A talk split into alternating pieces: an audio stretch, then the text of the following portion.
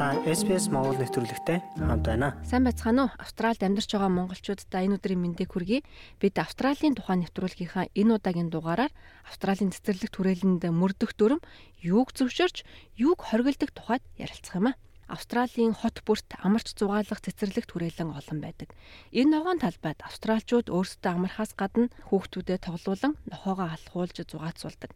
Өөрсдөө дасгал хөдөлгөөн хийж, найз нөхдөдтэйгээ уулзах, мах шарж идэх, янз бүрийн арга хэмжээ зохион байгуулах гэх мэтээр ашиглаж тэдний өдөр тутмын амьдралынх нь нэг хэсэг болдог юм а. Сонсогч таач бас энд амарч зугаалж найзуудтайгаа цагийг зугаатаа өнгөрүүлэхийг хүсвэл танд мэдэж байх ёстой цөөн хідэн ёс зүйн дүрэн бий. Энэ бол тийм ч хэцүү биш. Гэхдээ бид мэдэж байх ёстой. Хэрвээ бид энэ дүрмээ баримтлал цэцэрлэг түрээлэнгээ илүү урт хугацаанд аз жаргалтайгаар цэвэр цэмцгэрээр нь ашиглаж чадна. Apple Podcast дээр манай нэвтрүүлэгт үнэлгээ өгнө үү? Энэ манай нэвтрүүлгийг хайж олоход бусдад бас туслах юм. Австрал 500 гаруй хотын цэцэрлэг түрээлэнгүүд байдаг. Зөвхөн Сидней хотод гэхэд жижиг цэцэрлэгээс эхлээд хотын захын дархан цаазд газар Эртний өвийн жагсаалтад орсон 400 орчим цэцэрлэг түрээлэн байдаг юм байна. Joel Johnson бол Сидней хотын захиргааны ногоон байгууламж амралт чөлөөт цаг хариуцсан менежер юм. Тэрээр хэлэхдээ зарим тохиолдолд нийтийн ногоон байгууламжийн хариуцлагыг мууж улсын засгийн газар итгэмжлэгдсэн байгууллага хариуцдаг. Харин менежментийг нь ихэвчлэн тухайн газрын хотын захиргаа хариуцдаг юм гэлээ. За ийм учраас тэнд мөрдөж байгаа дүрм журам өөр өөр байж болох юм а. Ноён Джонсон хаана ямар дүрм байдгийг үргэлж мэддэг байх нь чухал юм гэлээ. За жишээ нь Сидней хотод гэхэд 400 гаруй цэцэрлэг түрээлэнтэй гэж дээр хэлсэн. Тэдний ердөө тавьд нь л нохоогоо уяанаас нь тайлж болох газар байдаг.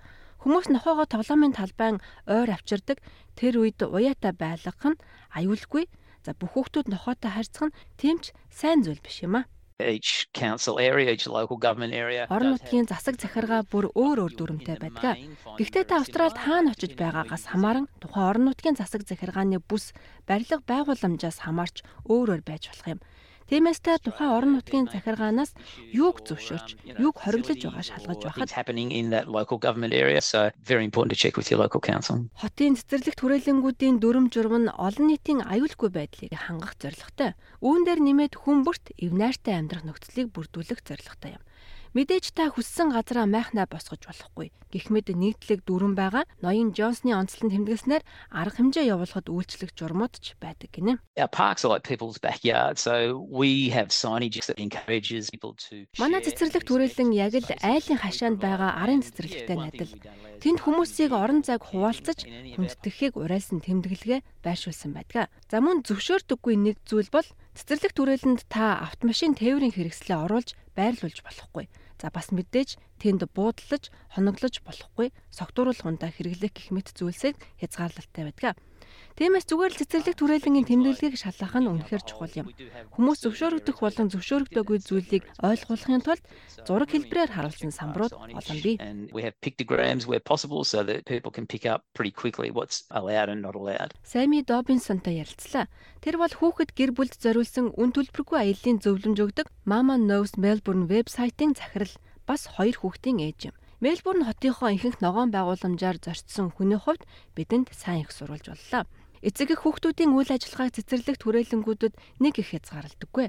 Гэхдээ том цэцэрлэг түрээлэнгүүдийн хувьд зарим дүрм журам нь өөр байдаг юм а. Ботаник гарден гэх мэт газарт хөл бөмбөг өшөглөх боломжгүй. Магадгүй зарим цэцэрлэгт бөмбөгтэй спортоор хичээллэх тусгай дүрмтэй байдаг.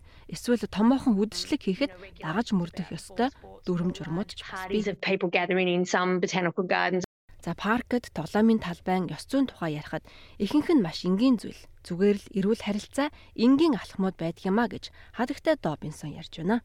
things like taking your rubbish with you if you can Болж өгвөл хогоо өөрөө авч явах. Явхаасаа өмнө хогийн сав хаана байгааг олж хайгаад өөрөө цэвэрлэх, бусдыг бодох, хүүхдийнхээ насан тохирох хэмжээний тоглоом дээр тоглож байгаа эсхийг нь анзаараарай. Та том хүүхдүүдийг бага насны хүүхдүүдтэй хамт гулсуураар буулгахыг хүсэхгүй баг. Энэ нь жаахан эвгүй айц төрөлмөр шүү дээ.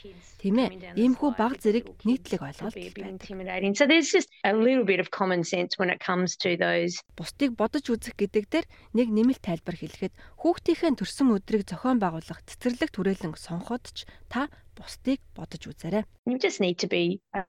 Та хийдэг чимээ шуугаан дэгдээгээгүй байгаа даа гэж анзаарч үзээрэй. Бас хамгийн том чанга яригч авчрах хэрэггүй. Иргэн тойрон гүйлдэх хүүхдүүдийн хувьд бүх зүйлийг хяналтандаа байлгаж байгаа эсгээ анзаараарай. Мөн чимэглэх гэж байгаа бол баярын дараа бүх шаар чимэглэлүүдийг та өөрөө гэртээ авч явах ёстой шүү. Юу ч орхилгүй авсан гэдгээ шалгаарай. Энгийн уулзалт хийж цэцэрлэг түрээлэнд магшаарч идэх гэж байгаа бол эхэлж ирсэн хүн нь төрүүлж үйлчлүүлэх гэдэг энгийн нийтлэг зарчмаар хандхан зүйтэй. Харин хурим төгсөлтийн баяр зэрэг томоохон арга хэмжээ хийх гэж байгаа бол эсвэл арилжаа намааны шинжтэй үйл ажиллагаа зохион байгуулах гэж байгаа бол урьдчилж захиалга өгөх эсвэл зөвшөөрөл авах шаардлагатай байж болох юм а. Сидней хотын зарим жишээг Ноён Джонсон дурдлаа. Бидэнд хурим найр хийхэд тохиромжтой хэд хэдэн газар бий. Хурим хийхэд сайхан газар гэдгээрээ маш их алдартай, эрэлттэй газар. Тиймээс та ийм газруудад захиалга өгөх шаардлагатай. Мөн ихэвчлэн зөвшөөрөл авах шаардлагатай үйл ажиллагаанууд байдаг. Жишээ нь концерт, худалдааны үйл ажиллагаа ялангуяа урдчилж мэдэгдэх ёстой. Мөн манай талбайн удирдлагын баг таны юу хийх гэж байгааг асууж болно. Тэгээд зөвшөөрөх хэсгээ тэд шийднэ. Зөвшөөрөгдсөн тохиолдолд ашиглалтын нөхцөлийг зааж өгнө. Venue management team would consider what you're wanting to do, say yes or no, and then provide conditions of use if it's approved. Хэрвээ та барбекю хийхээр төлөвлөж байгаа бол тэнд юу хоригддаг гэдгийг заасан тусгай тэмдэглэгээ байгааг шалгаарай. Бас тухайн орон нутгийн захиргааны вебсайтаас ямар төлш хэрэглэх дүрмүүдийг шалгахаа бүү мартаарай. Мөн өөрийн муж нутаг дэвсгэрийн орон нутгийн галын аюулгүй байдлын сэрэмжлүүлэг хоргийг мэддэг байх нь ч чухал.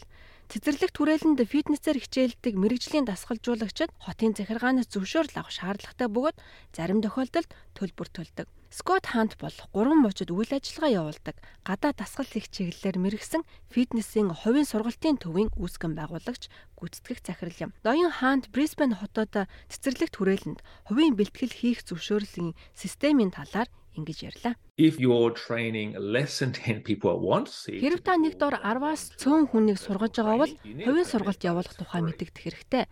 Танд зөвшөөрөл олгоно. Гэхдээ энэ нь үн төлбөргүй. Харин 10-аас дээш хүнтэй анги хичээллүүлэх бол зөвшөөрөл авахдаа төлбөр төлөх шаардлагатай байж болно. Энэ жилд ойролцоогоор 1200 орчим доллар болдог. Хэрвээ та 10 эсвэл 20 хүний бүрэлдэхүүнтэй байвал байгаль орчин нийгэмд илүү их нөлөө үзүүлэх нь ойлгомжтой.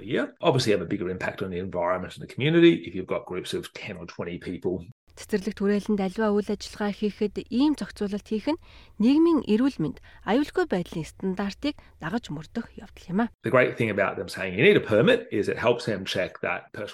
Зөвшөөрөл олгож байгаагийн сайн тал нь цэцэрлэг түрээлэнд ажиллаж байгаа хувийн дасгалжуулагчид үнэхээр мэрэгсэн, даатгуулсан эсхийг шалгахад тусалдаг юм.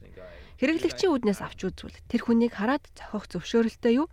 Хэрв тийм бол тэд даатгалтай эсхийг бас шалгаарай. Хэн нэгэн орон нутгийн цэцэрлэг түрээлэнд мэрэгжлийн лаг харагдаж болох ч тэд даатгалтай, мэрэгсэн, бүртгэлтэй, аюулгүй гэсэн үг биш. Тиймээс битгий эргэлзээрэй. Энэ талаар судалгаа хийгээрэй. So don't assume. Do a little bit of research on it. Цэцэрлэг түрээлэнгийн дүрм журм нь хувь хүн болон бизнес эрхлэгчдэд ойлгомжтой байдаг. Гэсэн ч ямар нэгэн тодорхой бус байдал үүсвэл ээлдэг хүндэтгэлтэйгээр хандах нь хамгийн зөв арга юм гэж Доён Хантинг тайлбарлаж байна. What does council actually crack down on? They tend to only act on Хотын compliance. захиргаанаас үнэндээ юуг хяндаг вэ? Тэд зөвхөн гомдлын дагуу л ажиллах хандлагатай байдаг юм. Хэрв та бусдыг бухимдуулахгүй бол таныг хянаж шалгахгүй. Ялангуяа та тэнд бизнес эрхэлдэг бол танд гомдол ирээгүй бол асуудалд орохгүй байх магадaltaй. Тиймээс бусдад ээлдэг хүндэтгэлтэй хандаарай. Энэ бол таны цэцэрлэг түрээлэн биш. Энэ бол олон нийтийн цэцэрлэг түрээлэн. Хүрээлэн буй орчныг анхаарч үзэх хэрэгтэй. SBS Монгол хэлээр бидний нэвтрүүлгийг Facebook сошиал хуудасаар бусдаа хуваалцаарай.